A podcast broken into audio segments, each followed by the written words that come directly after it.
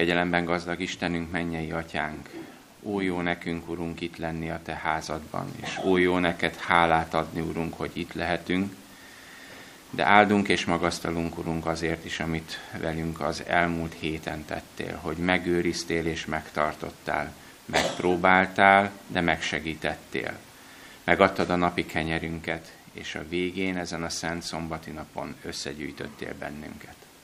Hálát adunk neked, Urunk, hogy minden nap megláthattuk a mi életünkben a Te kezed munkáját, a Te vezetésedet.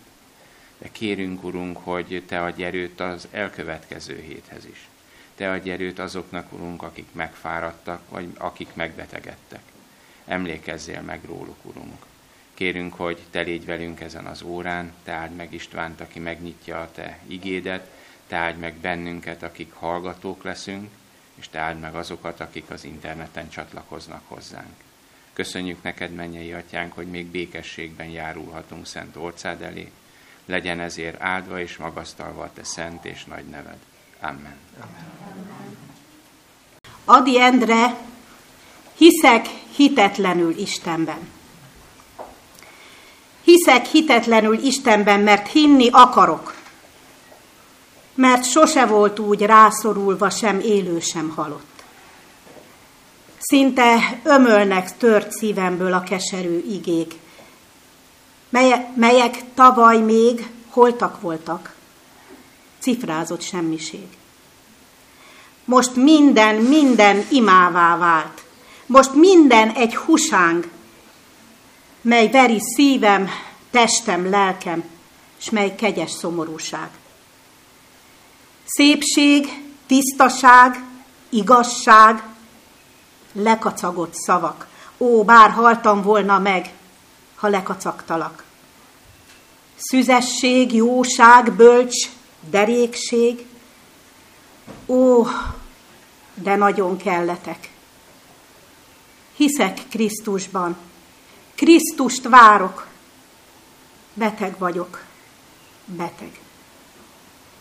Meg-megállok, mint alvajáró, és eszmélni akarok Szent káprázatokban előttem száz titok kavarog. Minden titok e nagyvilágon, és az Isten is, ha van. És én vagyok a titkok titka, szegény hajszolt magam.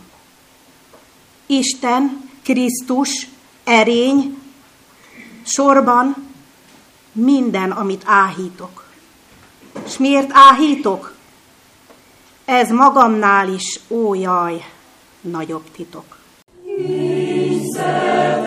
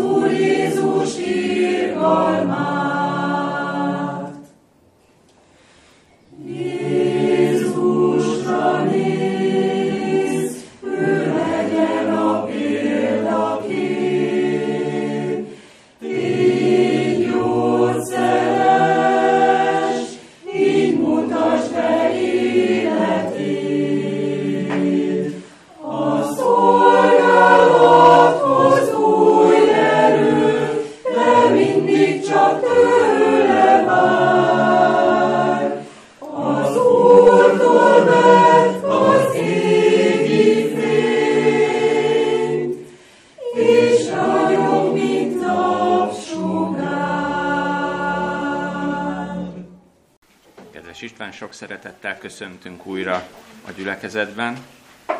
Áldja meg az Úr a te szolgálatodat. Köszönöm szépen, úgy legyen. Kedves gyülekezet, én is örülök a viszontlátásnak, és rögtön hadd mondjam, hogy engem is megihletett a gyerektörténet, és úgy döntöttem, hogy délután egy gyerektörténettel kezdek. Én is megmásztam a Tátralomnicot szombaton, úgyhogy nem akartam. Akit érdekel a történet, várom szeretettel. Most már nem húzom az időt, csak hogy elgondolkoztam a saját történetemen. A Mai délelőttön az alapigét János Evangélium a 17. fejezetéből olvasom. Olvasod, Hanna? Na, jó. Olvast fel, gyere. Robi rögtön átadta nekem a szót, és én is automatikusan átvettem. De. Nem azt kérem, hogy vedd ki őket a világból, hanem hogy őrizd meg őket a gonosztól. Köszönjük szépen. Mennyivel jobban hangzott így. Köszönjük szépen. Ugye János evangéliuma, mikrofon, így, még le? Köszönöm, igen, ezt amúgy is kérdezni akartam. Lassan összeáll minden. Köszönjük. Tehát ez, az, ez a fejezet, János evangélium a 17. fejezete, ez egy imádság. Jézus Krisztus imádsága, nem az, amit Gecsemánében mondott el és háromszor, az rövidebb és nagyon döntő, de most nem erre térünk ki, hanem a 17. fejezetre, ami alapvetően kéréseket tartalmaz, Jézus az atyához intézi ezt az imádságát, Nekem nagyon megragadó benne az, amiről tegnap a Biblia körön online beszéltünk, ha emlékeztek rá, akik ott voltatok, hogy az egységért imádkozott, hogy a tanítványai egyek legyenek, és azt mondta, hogy nem csak nekik lenne jobb ezáltal, hanem ez egy bizonyság a világ felé, a misszió egy eszköze. Mert ahogy igaz az, hogy az Isten jósága indít minket a megtérésre, és nem a kérlehetetlen logikájával sorít, szarokba, bocsánat, szorít sarokba, hogy térjünk meg, úgy ez is igaz, hogy nekünk sem az a dolgunk, hogy logikailag vezessük el az embereket a megtérésre, hanem legyen meggyőző erő, meggyőző erő abban, ahogyan érünk egyénileg, és ami sokkal nehezebb, hogy meggyőző erő abban, hogy közösen hogyan érünk. Mert úgy egy-egy embert még találni, de egy közösséget, az már nagyon nehéz. Szerintem ez a főcsapás irány, vagy talán ez a hangsúly ennek az imádságnak, de én most nem ezt a részét szeretném ma kiemelni nektek, hanem azt a verset, amit Hanna az előbb felolvasott nekünk, ami azzal foglalkozik, hogy ö, ö, talán így tudnám interpretálni a kérés lényegét, hogy hogyan éljen egy keresztény a világban. Ugye, ha láttátok a bullettint, ott megadtam az ígét, és ott van egy címadás is, ha jól emlékszem, azt adtam meg címnek, hogy élettervezés most, ugye? Ez van, köszönöm szépen megadva. Tehát ugye, ha Jézus azt mondja, hogy nem azt kérem tőled, atyám, hogy vedd ki őket a világból, tehát megmondja, hogy mit nem kér, hanem ehelyett azt kérem, hogy őrizd meg őket a gonosztól, miközben itt élnek ebben a világban, akkor ez felveti bennem azt a kérdést, hogy hogyan tervezzük az életünket. Hogyan igazítsuk ehhez az életünket. Ami szerintem azért is nagy kérdés, mert amikor valaki megtér, akkor mi történik? megváltozik a gondolkodásmódja, és már nem olyan, mint előtte volt. Előtte kompatibilis volt a világgal, ezt így szoktuk mondani, tehát nem, nem surlódott, passzolt, nem lógott ki a sorból, és amikor valaki megtér, akkor az egész szemlélete változik meg. Kicsit olyan, mint hogyha a feje tetejére állítanánk valamit, hogy eddig így volt, most meg így lesz, és akkor hogyan is maradhatna ez meg, hogyan folytathatná a maga sorsát a világban. Ugye ez a nagy kérés, kérdés, de mielőtt rátérnék erre a lényegére, hadd vessek fel nektek egy bevezető kérdést, ha úgy tetszik, amit a címbe én fogalmaztam bele. Tudnék, hogy élettervezés, kötője most. Magyarul élettervezés általában, és van-e valami specialitása annak, hogy most hogyan tervezzük mi az életünket. Én onnan indulnék, és onnan szeretném kezdeni, hogy szerintetek van-e egyáltalán helye, értelme, szerepe az életünk tervezésének. Itt egy bizottság volt ebben a helységben, hétfőn voltunk, ugye? Hétfőn voltunk itt, és itt feltette, a DET vezetősége meglátogatta a gyülekezetünk bizottságát, én pedig az a megtiszteltetésért, hogy mind a két társaságba ültem egyszerre, a gyülekezet lelkészeként, meg a DET vezetésének a tagjaként, és a Kalocsai Tamás testvérünk megkérdezte a bizottságtól, tanúim vannak rá, akik itt ülnek, megkérdezte a bizottságtól, hogy hogyan képzeli el a bizottság a gyülekezet jövőjét öt év múlva nem is haragusztok, egy kicsit meglepetnek tüntetek, ugye? De szerintem ez egy jogos kérdés volt, hogy egy emberi közösségnek is kell, hogy legyenek céljai, tervei. Ugye van egy nagy fiam, ami most volt 30 tavasszal, ő nekem elmondta, hogy mi a terve, már korábban is, hogy 5 meg 10 év múlva hol akar tartani szakmailag, karrierbe, anyagilag, stb. És rájöttem, hogy sokkal tudatosabban éri az életét, mint én. És rájöttem, hogy neki van igaza. És rájöttem, hogy Kalocsai testvérem, bocsánat, itt ült, azért mutogatok ide, pont itt ült, neki volt igaza, hogy mi nekünk miért ne legyen célkitűzésünk? Én azt gondolom, hogy nagyon sok ember éli úgy az életét, egyénileg is, meg közösségileg is, hogy nincs cél, hanem így mondják idegen szó, hogy ad hoc.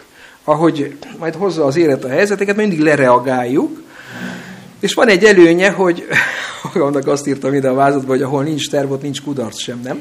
Hát, hogyha nem volt terv, akkor nem mondhatják azt, hogy nem jött össze. Hát ugye nem volt terv. Lekezeltük mindig helyből, menetből, ha így mondjam.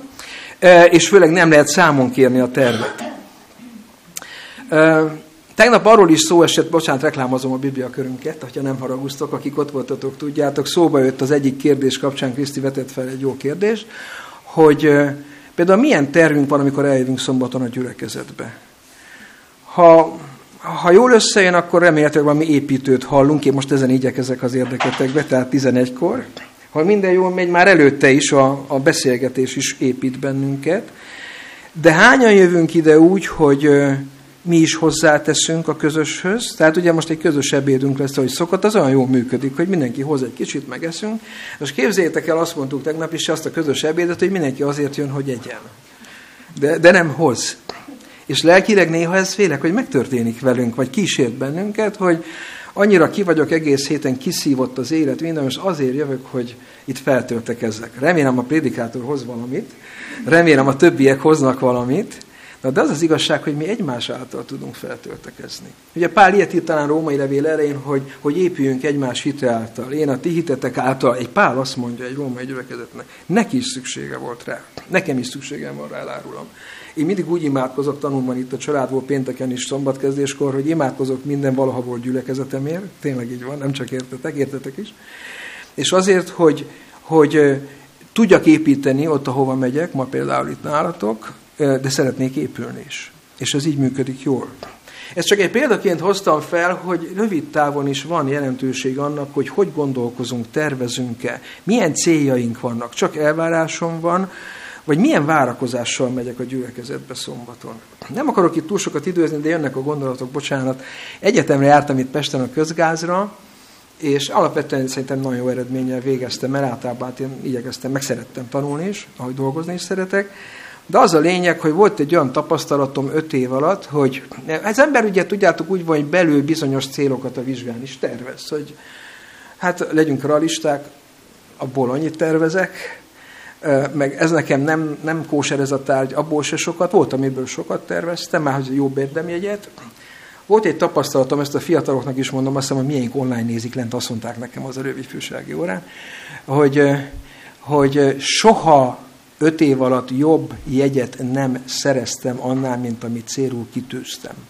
Tehát úgy sose jártam, hogy volt egy célom, és azt úgy teljesítettem. Úgy is ritkán, hogy volt egy célom és alatta, de az a lényeg, én mai napig emlékszem, sajnos a vizsgára, nem, sajnos hogy nem emlékszem, de szóval arra emlékszem, hogy dühöngtem egyszer, mert négyes kaptam valamiből, amiből négyes tűztem ki, és úgy éreztem, hogy a kezembe volt az ötös. Rossz érzés. Rossz érzés.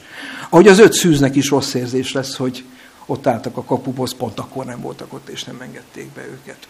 Kedves gyülekezet, kell, hogy tervezzünk, kell, hogy legyenek céljaink, kell, hogy ösztönözzük magunkat is ezek által, és az a kérdésem, hogy a Bibliából mi mit értünk meg, hogy a Biblia nagy alakjai terveztek, vagy nem terveztek? Volt ütemtervük, vagy nem volt? Mondok egy nagy alakot a Bibliából, bocsánat, hogy így mondtam, elnézést kérek, Jézus Krisztusra gondolok, tehát a legmeghatározóbbra.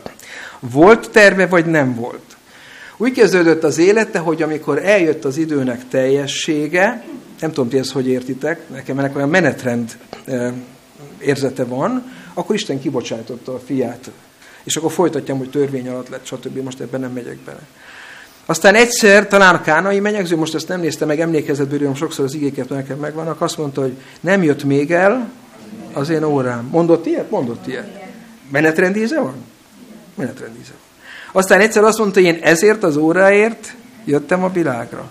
Hát nem tudom, ti mit gondoltok, én írtam magamnak, hogy pont, pont, pont, stb. pont, pont, pont, tehát ez a vázlatomból idéztem most, hogy folytathatnánk, de nekem ebből a háromból az jön le, hogy neki volt egy terve, egy koncepciója. De azt hiszem nektek is mondtam már, nekem nagy felfedezés volt egyszer, sose értettem, hogy miért volt az, hogy meggyógyít valakit, és azt mondja, te nem mond senkinek.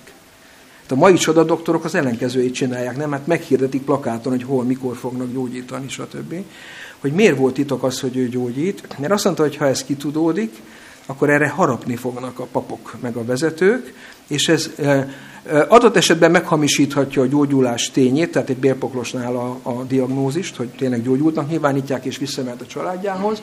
Ennyiben vesztese lenne az az ember is. Illetve minden ember vesztese lenne, hogyha idő előtt, és most ezen van a hangsúly, Jézus szolgálta véget érne, mert már annyira ingerli őket az, hogy már megint gyógyít, meg megint népszerű, meg tudom is én. Tehát ezek a közvetett bizonyítékok is arról beszélnek, hogy Jézus nagyon is egy elképzelés, egy isteni terv szerint élte az életét. Van helye a tervezésnek. És mit tegyek? Megint eszembe jutott egy igény menet közben. Azt hiszem Galata 2.8, ha jól emlékszem, amikor azt írja, hogy ö, ö, Isten előre elkészítette a jó cselekedeteket nekünk, hogy azokban járjunk. Ennek nektek nincs menetrend, ízem, nekem van. Jó lenne megtudni, hogy mi a mi menetrendünk az Istennél. Jó lenne azt összhangba hozni az Istennel. Mondok egy másik szemét példaként a Bibliából. Pálapostól tervezett vagy nem tervezett? Szerintem tervezett. Egyszer elmentek, meglátogatták, megalapították a kis-ázsiai gyülekezeteket. Ugye kis-ázsia az a bibliai fogalom, az egy római provincia volt, a mai Törökország területe, ott Anatólia környéke, ha jól tudom. Ott megalapították, és azt hiszem négy évvel később mondta, Barnabásnak, ha jól emlékszem, hogy hát vissza kéne menni, meg kéne nézni ezeket a gyülekezeteket. És visszamentek. És mikor mennek út közben, Pál arra gondolt, hogy északabbra megy Bitíniába. Az a Fekete-tenger partvidék, ha jól tudom, a török északi part. És a, egy, a lélek azt mondta neki, megjelent egy makedón öltözetű férfi, ha emlékeztek rá, és azt mondta, hogy gyere át, és légy segítségül nékünk, ha jól idézem, tudnék, hogy Makedóniába, megértette Pál, hogy Isten utasított, hogy menjen Makedóniába missziózni. És erre szokták sokan azt mondani, hogy hát ezért nem kell tervezni, mert Pál is tervezte Bitiniát, aztán Makedónia lett a vége. Én szerintem nem. Szerintem ez meg azt jelenti, hogy tervezni kell, és amikor rosszul tervezel, akkor Isten majd segít. De nem azt jelenti, hogy akkor járjál, mint egy holdkóros, most bocsánat, hogy így mondom, ilyen nyersen, hanem Pál tervezett, és egyszer kiigazították, ezt tudjuk, de amúgy konkrét tervei voltak. Tehát a gyülekezet nekem ezekből az jön le, hogy az az egészséges, hogyha az embernek vannak tervei, a saját életével is, a szolgálatával is, amennyire tud, keresse az Isten akaratát és tervezzem. Ugye ide írtam magamnak, ha már pár szóba jött, hogy elment Aténba, és tervezett. Apostolok cselekedete, azt hiszem 17. fejezete, Nézzétek, én, én lelkész vagyok, én szeretek igét hirdetni, tehát én ilyen volumenű beszédet nem nagyon olvastam a Bibliában, ige hirdetés, mint az aténi beszéde Pálnak. Eszméletlen. Szerintem egy, ez a szakmailag csúcs, ha lehet ilyet mondani. Az a döbbenet, hogy nem sokan tértek meg. Egyébként ez nem biztos, hogy Pál hibája volt, az aténiak is hibásak voltak ebben szerintem. Ez kb. olyan dolog, mint a sportban. Egyszer olvastam a amerikai foci egy időben néztem, mert sok tanúsága volt, és hogy dobják a labdát, hát most vagy rosszul dobta, vagy jól dobta, de rosszul kapták el. És szerintem a misszió is ilyen, hogy lehet, hogy Pál jól dobta, így van, így van, kettő múlik, minimum kettő múlik, de a lényeg az, hogy Pál utána tervezett. Azt írja a korintus belieknek, hogy amikor hozzátok mentem, gyakorlatilag Aténból, akkor eldöntöttem, ez tervezés, hogy ezentúl ne tudjak másról, csak, mint, csak Jézus Krisztusról, mint megfeszítettről. Emlékeztek, az aténi beszéd úgy kezdődik, hogy aténiak, ti nagyon istenférőek vagytok. Itt annyi templomban. Én még olyat is láttam, amit az ismeretlen Istennek szenteltek. Ezek ilyen biztosra mentek, ilyen görögök voltak, ilyen logikusak, hogy nehogy valamelyik megsértődjön, az is kapott egyet.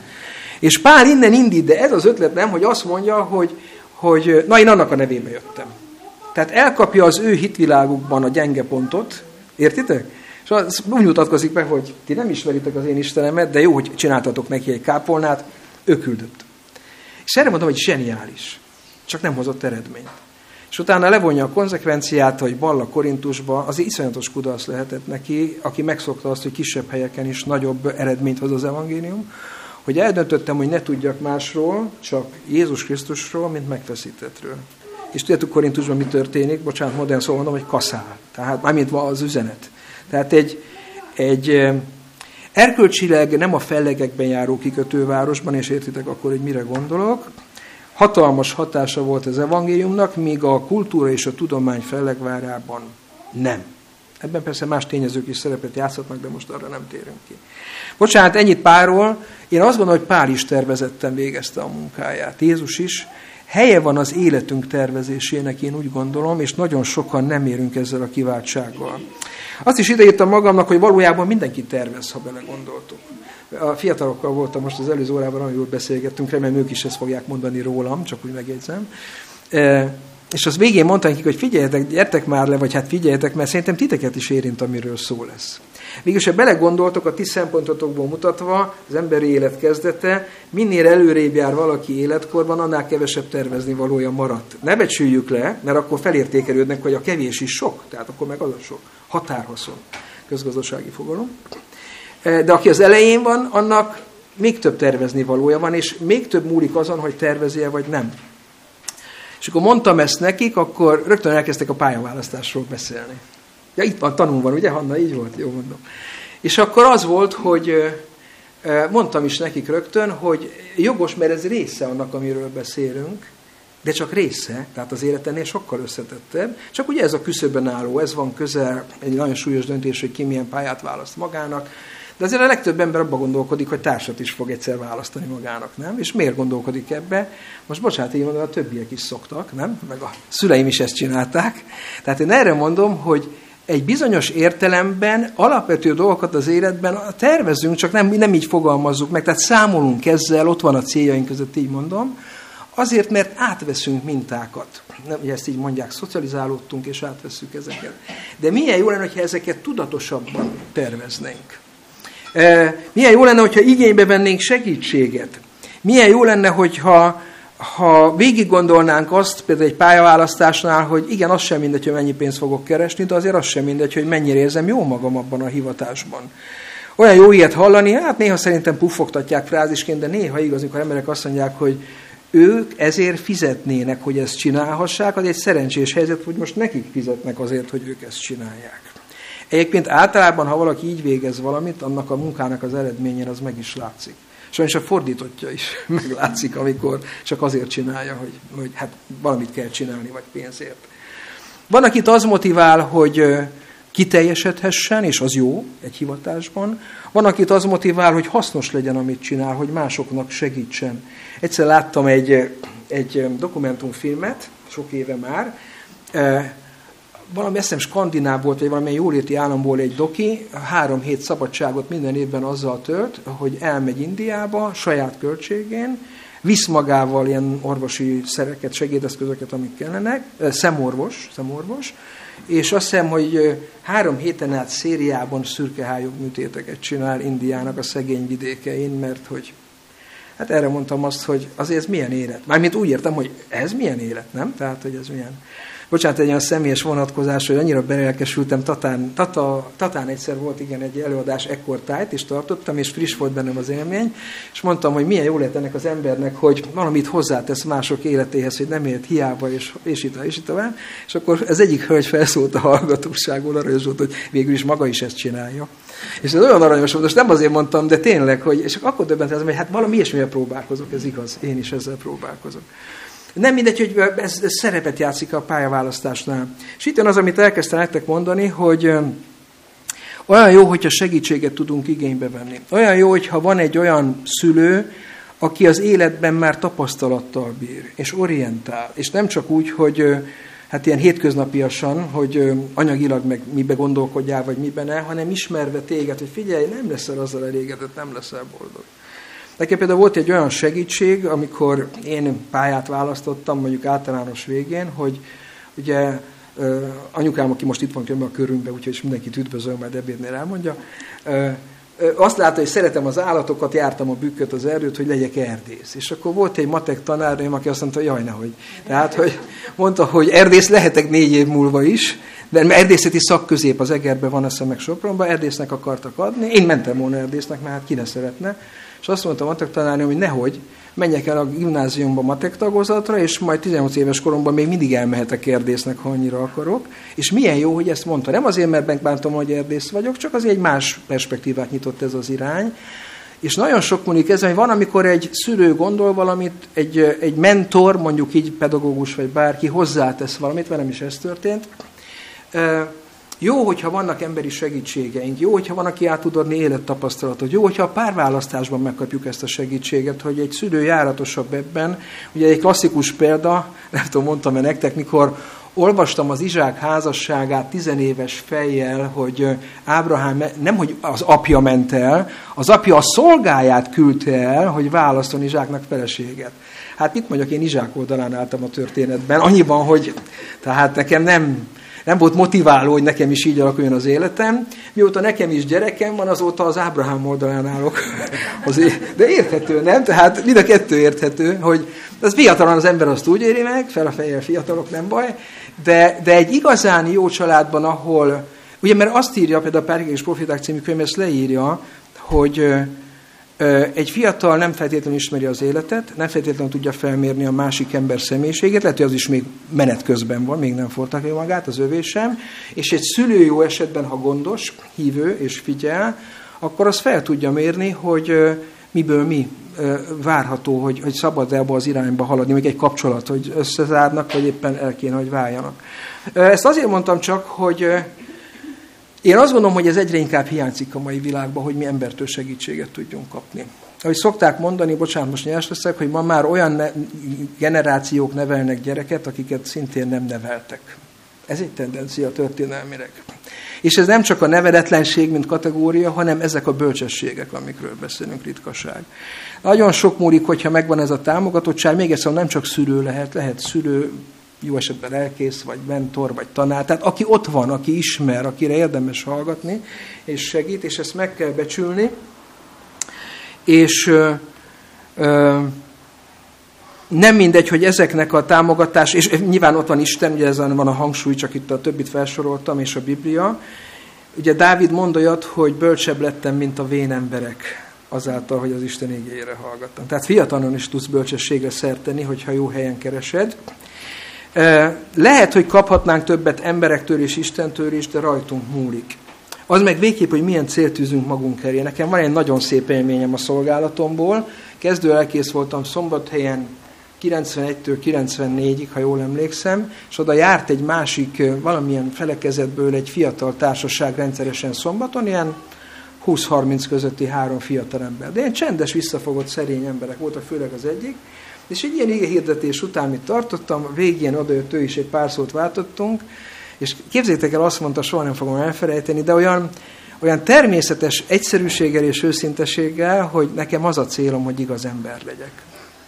De ezt úgy mondta el, nem úgy, hogy most bevágódik, vagy mond valami panel szöveget, hanem látszott, hogy végighallgatott egy igéhirdetés, és valakinek ezt el kellett mondania. Hát mondom, nézze, ennél jobb célt én nem tudok elképzelni, az Isten áldja meg gazdagon, hogy ez megtörténjen. Néha eszembe is jut, bízom benne, hogy megadta neki az Isten, hogy milyen az, amikor az ember ilyen célt tűz maga elé. És a többit ennek rendeli alá. Mert nem mindegy, hogy mi a lényeg. Azt hiszem, itt vannak szoftveresek, azok kedvéért mondom, hogy, hogy a számítás technikában van, hogy megy a főprogram, és néha szubrutinokat meghívnak, ilyen alprogramokat, azok ilyen kitérők, aztán vissza a főprogramhoz.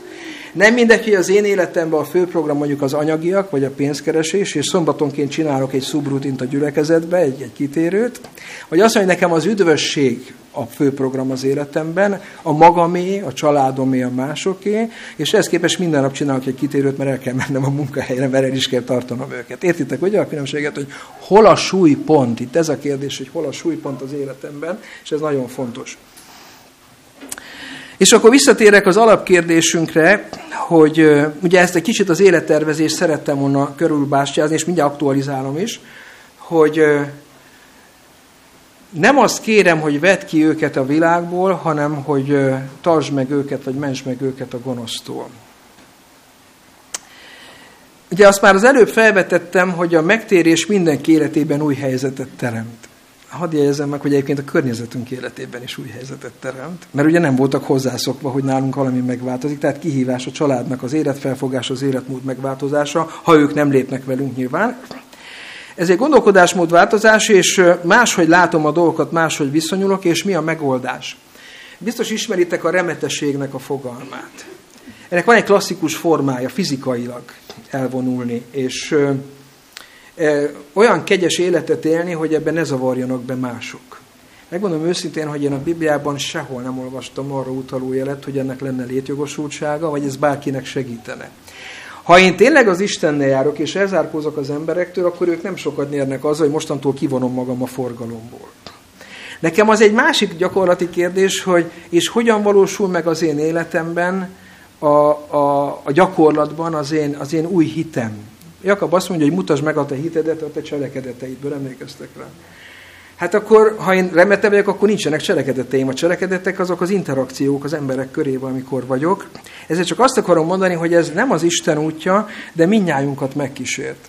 Egyébként vigyázzunk a, ezekkel a kísértésekkel, megint csak eszembe jut egy történet, mikor én megtértem, úgy érzem, amikor egy fordulat volt az életemben, én ugye négy éves koromtól gyülekezetben nőttem fel, aztán iskolák, ahogy mondtam, nem lettem erdész, most már tudjátok, tehát e, e, egyetemre mentem a matek tagozatot, ott is matek tagozatot a közgázon, és e, az utolsó éveimen, hát 87 októberébe keresztelkedtem, akkor egy fél év volt még hátra az egyetemből nekem, és akkor volt bennem egy olyan felbuzdulás, hogy, hogy hát én csak Bibliát olvasok, meg ilyen vallásos irodalmat, vájtirodalmat, stb. És volt egy csomó jó könyvem otthon, de ilyen, mit tudom én, tudományos, vagy szakmai, vagy műszaki, vagy ilyesmi.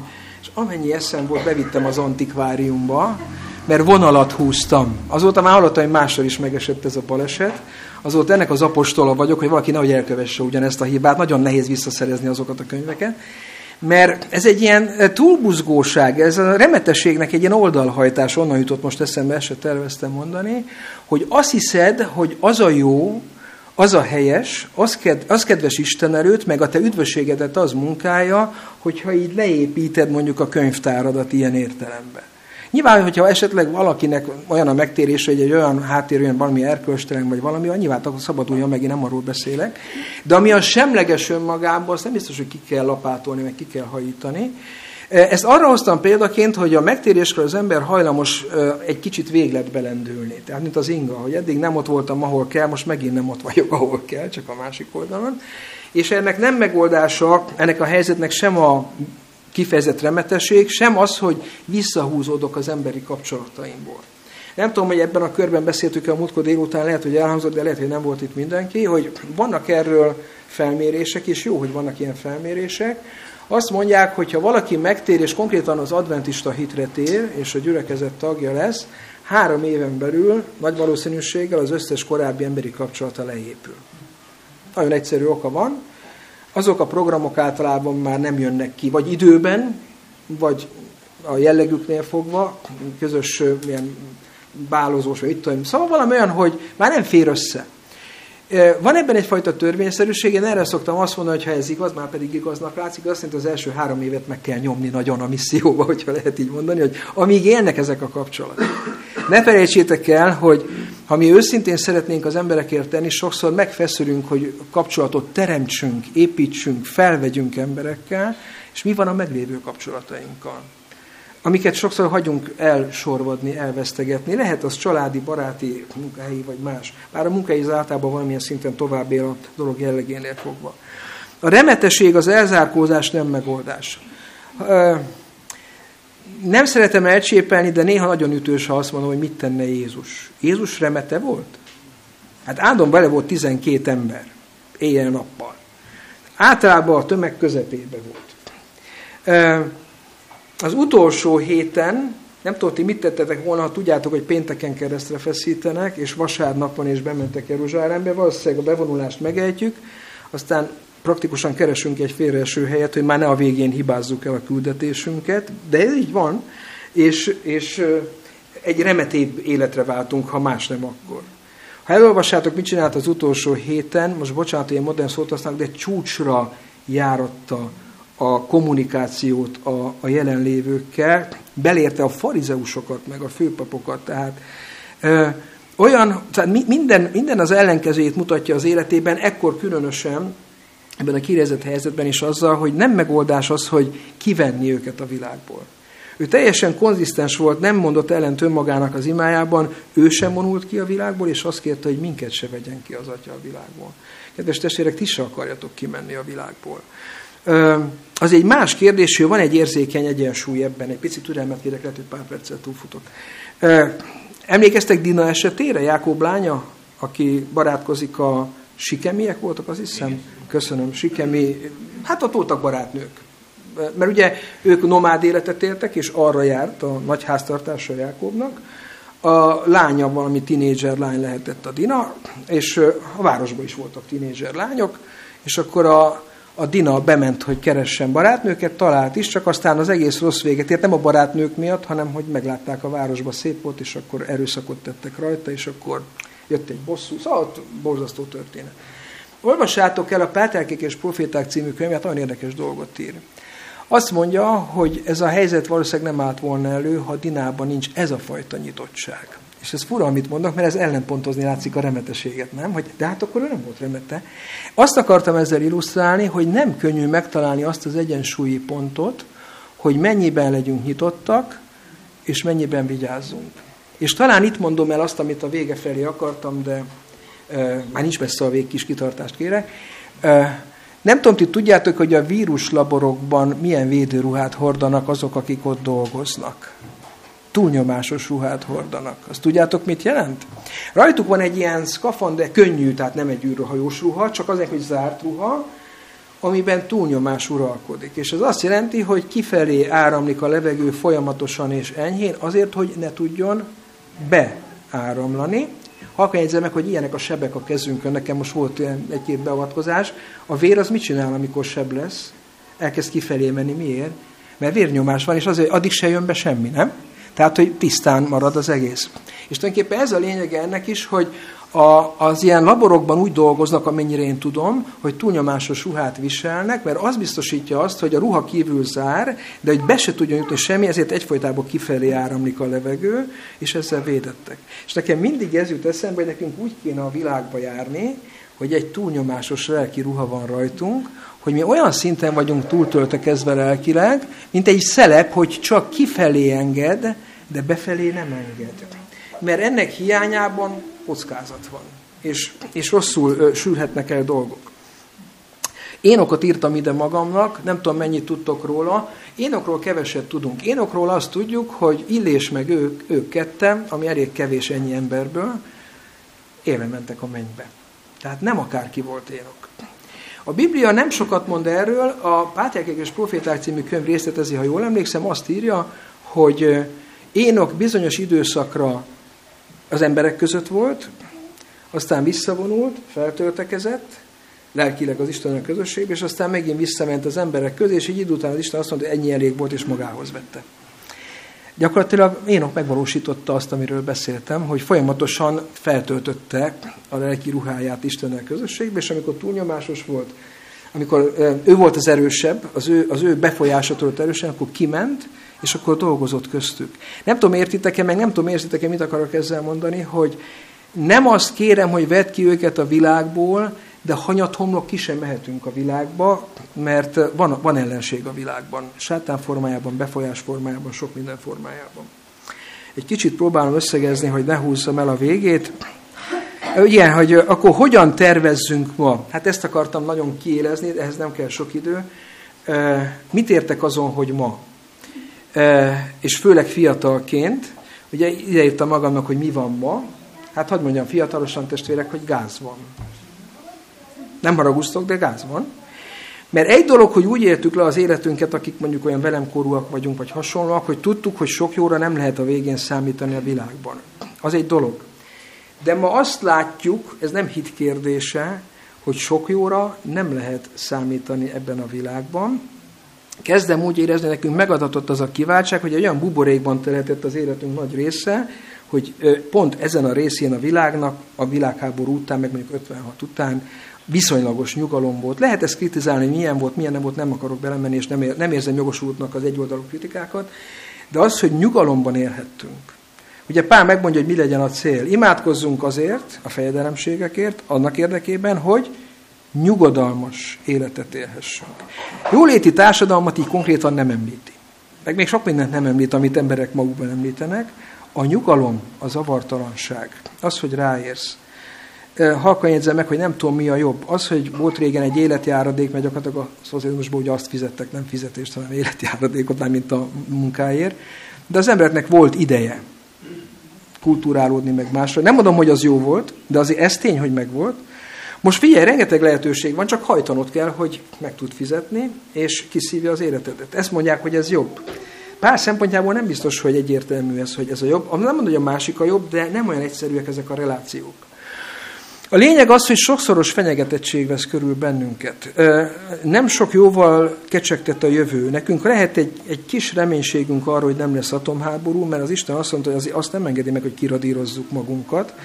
De hogy lesznek-e atomcsapások, én ebben nem vagyok biztos, hogy el, elnézve, amit folyik, meg amit terveznek. Erősen alkonyodik ő, mert minden szempontból, itt van az időjárás, nem tudom, mit szóltok hozzá, én csak hallottam, mi volt Pesten, nálunk tudom, mi volt ott Tatabánya mellett lakok, és most kérem, június van, és most már téli kabátot szeretném letenni, nem? Tehát, hogy ideje lenne. Tehát egészen fura dolgok történnek. Azt mondhatjuk, hogy minden úgy néz ki, hogy a Biblia mondta, és akkor mi mit tudunk tervezni? Milyen, milyen jövőképpel éljünk? És itt jön az, hogy nekünk majdnem könnyebb, akik már a második félidőt játszuk, vagy hogy mondják ezt, a második oldala forog a lemeznek, vagy a B oldal, bocsánat, igen, köszönöm, a B oldal. De mit csináljanak azok a fiataljaink, akik erősen az A oldalon vannak még? És én ezért gondoltam, hogy erről beszélnünk kell. És én azt gondolom, hogy tervezni minnyájunknak kell, mert minden élet egy unikum, minden élet más, és minden élet olyan, amilyen, amilyené teszed magadnak. Isten adott, megadta az élet lehetőségét, az élet jogát, tanulhatsz, hétköznapi értelemben megismerted az Istent, választ, választasz magadnak pályát, választasz társat, nem mindegy, és, és lehet egy szép kerek élet, ami hasznos másoknak is. Ez a te felelősséged. De nem tervezhetsz úgy, mintha mindezt nem látnád és nem tudnád. És most már ez nem hitbeli kérdés, ez ténykérdés, ami körülvesz.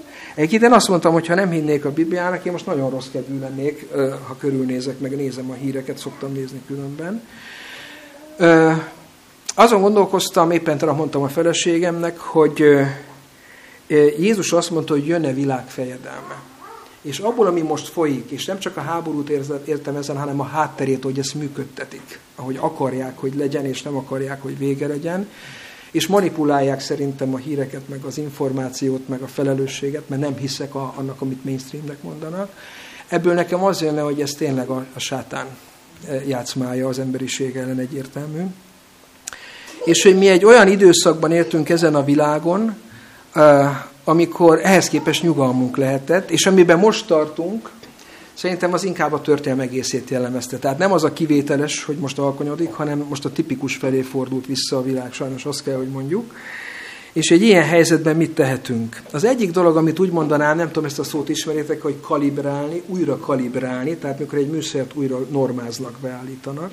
Nekünk a céljainkat, meg az igényeinket újra kell kalibrálni. Jeremiás könyve 45. fejezet, Báruk azon aggódott, hogy ha Jeruzsálem elpusztul, akkor hát ő, ő, ő neki még itt céljai vannak. És Isten válaszolt Jeremiás, tehát hogy mondjam, maszek üzenetet kapott a Jeremiás írnoka, direkt neki szól, hogy te kívánsz-e magadnak nagy dolgokat. Hát most ott tart a dolog, hogy kigyomlálom, amit én ültettem, meg kell büntessem Izraelt. Kedves gyülekezet, mondom ezt a kevésbé fiataloknak, meg a nagyon fiataloknak is, hogy helye van a tervezésnek, nem adhatjuk fel, nincs apátia, nem máról holnapra élünk, de tervezni is csak úgy lehet, hogy mi tudjuk, hogy hát itt nem tudom, meddig már nincs értelme tervezni, tehát nagyon-nagyon hosszú távon. Most nem olvasom már fel az idő okán Prédikátor könyve 12.1.2-t, majd olvassátok el, hogy örvendez ifjúságod idején, de gondolj arra, hogy a végén lesz számonkérés és számadás, és ez nem fenyegetés, hanem hogy ezt szem előtt tartva éld az életedet és tervez. Ne úgy éljünk, mintha nem lenne Isten, ne úgy éljünk, mintha nem lenne számadás, de hozzáteszem, hogy ne úgy éljünk, mintha nem lenne gondviselés is ilyen körülmények között. Igen, Isten hétköznapot a gondviselésével támogat minket is, ilyen szorult élethelyzetekben is. Az egy más kérdés, hogy élj úgy, hogy oda tudj állni Isten elé majd a számadásban. Igen, már mondtam nektek, hogy minden élet egy lehetőség, egy felelősség. Emlékeztek, hogy azt mondja, hogy amikor talán keresztelő Jánosról is, de Jézusról is, hogy gyarapodott, amikor megszületett utána, testi, lelki és szellemi állapotában. És ez minnyájunkra igaz. És nem csak a gyerek gyarapodhat, amíg élünk, gyarapodhatunk. Ez legyen a mi életcélunk, hogy gyarapodjunk. Nem tudom, jól idézem, mert remélem, igen, talán Luther mondta azt, hogyha tudná, hogy az Úr holnap eljön, akkor majd még elültetni egy diófát azért a biztonság pedig a dió az sokára nő hogy az a helyes, hogy úgy tervezünk, de így cselekszünk. Tehát eh, egyik napunkra sem mondhatjuk azt, hogy most már elengedjük és fénis hangulat van. Múltkor láttam egy ilyen ilyen sport videó gyűjteményben, hogy volt egy bringás, aki már célegyenesbe ment, és elkezdte ünnepelni magát, és elment mellette három. Tehát, de komolyan. E, és akkor szerint nézett, hát azt itt a nagyobb az előnye.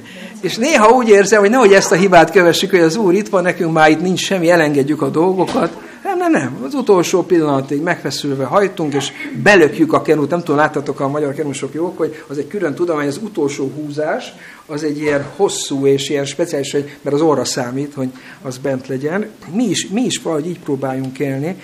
Hogy Luthernak mennyire igaza volt, Jósiás reformációjára emlékeztek? Jósiás egy jó király volt. A proféta azt mondta neki, hogy figyelj, olyan állapotok vannak, hogy, mert megkérdezte a profétát, hogy borzasztó állapotok vannak, mit mond az úr? A proféta azt mondta, azt hiszem Hulda proféta azt volt, hogy figyelj, sok jót már erre nem lehet mondani, az a hogy olyan állapotok vannak, hogy innen nincs visszaút. Akármit csinálsz, akármit reformálsz, ezen már nem lehet változtatni. Mit csináltak volna a legtöbben helyette? Hát figyelj, maga a proféta azt mondta, hogy nem, akkor meg minek? És mi történt? megcsinálta a reformációt. És tény, hogy jöttek a babiloniak. Tény, hogy 70 éves fogság elhurcolták őket, de úgy tűnik, hogy az ő reformációjának a gyümölcse volt Dániel, meg Sidrák, Misák és Abednego. Tehát nincs jogod sohasem feladni, nem tervezni és nem csinálni, csak ne úgy tervez, mint a világ, és ne, ne add fel. A többit már elmondtam korábban. E, kedves testvérek, kedves gyülekezet, kedves fiatalok, külön megszólítalak titeket, én, én ezt gondolatindításnak szántam. Nem hiszem, hogy ezzel a téma ki lett merítve. Én szerettem volna egy kis tartalmat adni annak, ennek meg szempontokat, amit az Úr mondott. Még egyszer hadd olvassam az alapigénket. Nem azt kérem, atyám, hogy vedd ki őket a világból. Nem az a megoldás, nem az a hitünk és az üdvösség záloga, hogy mi elzárkózzunk az emberektől hanem hogy őrizd meg őket a gonosztól, amit mondtam, túlnyomásos lelki ruhában járni kellni, ott lenni az emberek között, kapjanak tőlünk, mert kapniuk kell, honnan kapnának, csak vigyázzunk, hogy ez a szelep mindig egy irányba működik. Mi nem a világ normáit engedjük be a mi életünkbe, hanem szeretnénk a saját normáinkat átadni az embereknek az ő javukra.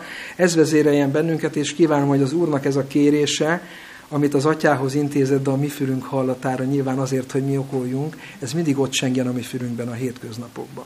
Amen. Menjei jó atyánk, hálásak vagyunk neked. Hálásak vagyunk neked azért, mert minden körülmények között hozzád jöhetünk, hálásak, mert a te lelked munkája révén megismerhettünk téged, és hálásak, hogy bármilyen körülmények közé is kerülünk, ami egyéni életünkben, vagy éppen a világunk egésze, mi mindig rád tekinthetünk, tőled várhatunk segítséget, és te gondviselést ígértél nekünk. Hálásak vagyunk ezért az igéért is, amin elmélkedhetünk ma közösen, hogy ami megváltunk, te hozzád imádkozott, de minket is bátorított és tanított ezzel, hogy ne abba keressük a megoldást, hogy mi elszigetelődünk, egyfajta remeteséget gyakorlunk, hanem hogy a te erőddel igenis jelen vagyunk ebben a világban, kerüljük a fölösleges kísértéseket, ugyanakkor szeretnénk oda tenni magunkat, és önmagunk által az evangéliumot az emberek közé és az emberek elé. Te látod, Urunk, hogy ez erőben és bölcsességben is meghaladja minnyájunk lehetőségeit, ezért arra kérünk, hogy a Te lelked vezessen bennünket mindezekben, segíts kérünk felismernünk az alkalmakat, amikor oda kell mennünk, amikor meg kell nyilatkoznunk, amikor rólad kell bizonyságot tennünk, és kérünk segíts felismernünk azokat az alkalmakat is, amikor éppen a visszavonulásnak van ideje, és nincs helye a szólásnak, nincs helye a kísértéseknek kitenni magunkat. Hiszük, hogy a Te vezetéseddel mindezt megtehetjük, megtalálhatjuk, és segíts, hogy mindig gondunk legyen arra, hogy a mi lelki ruhánk belülről túl legyen töltve a Te jelenléteddel, a Te ígéddel és a Te igazságaiddal, és a sátán csalásai ne fogjanak rajtunk. Kérünk ugyanakkor a mi világunkért is, hogy légy irgalmas a mi embertársainkhoz, bennünket pedig segíts, hogy átérezzük a felelősséget, hogy akinek tudunk, annak még segít, segítsünk és segíteni tudjunk, miközben látjuk, hogy az egész világ lefelé halad. Köszönjük, hogy meghallgatsz bennünket, áldj meg, hogy mindazt, amiről ma közösen gondolkodtunk, el tudjuk vinni, és alkalmazni tudjuk majd a hétköznapokban is a te kegyelmedből. Amen. Amen.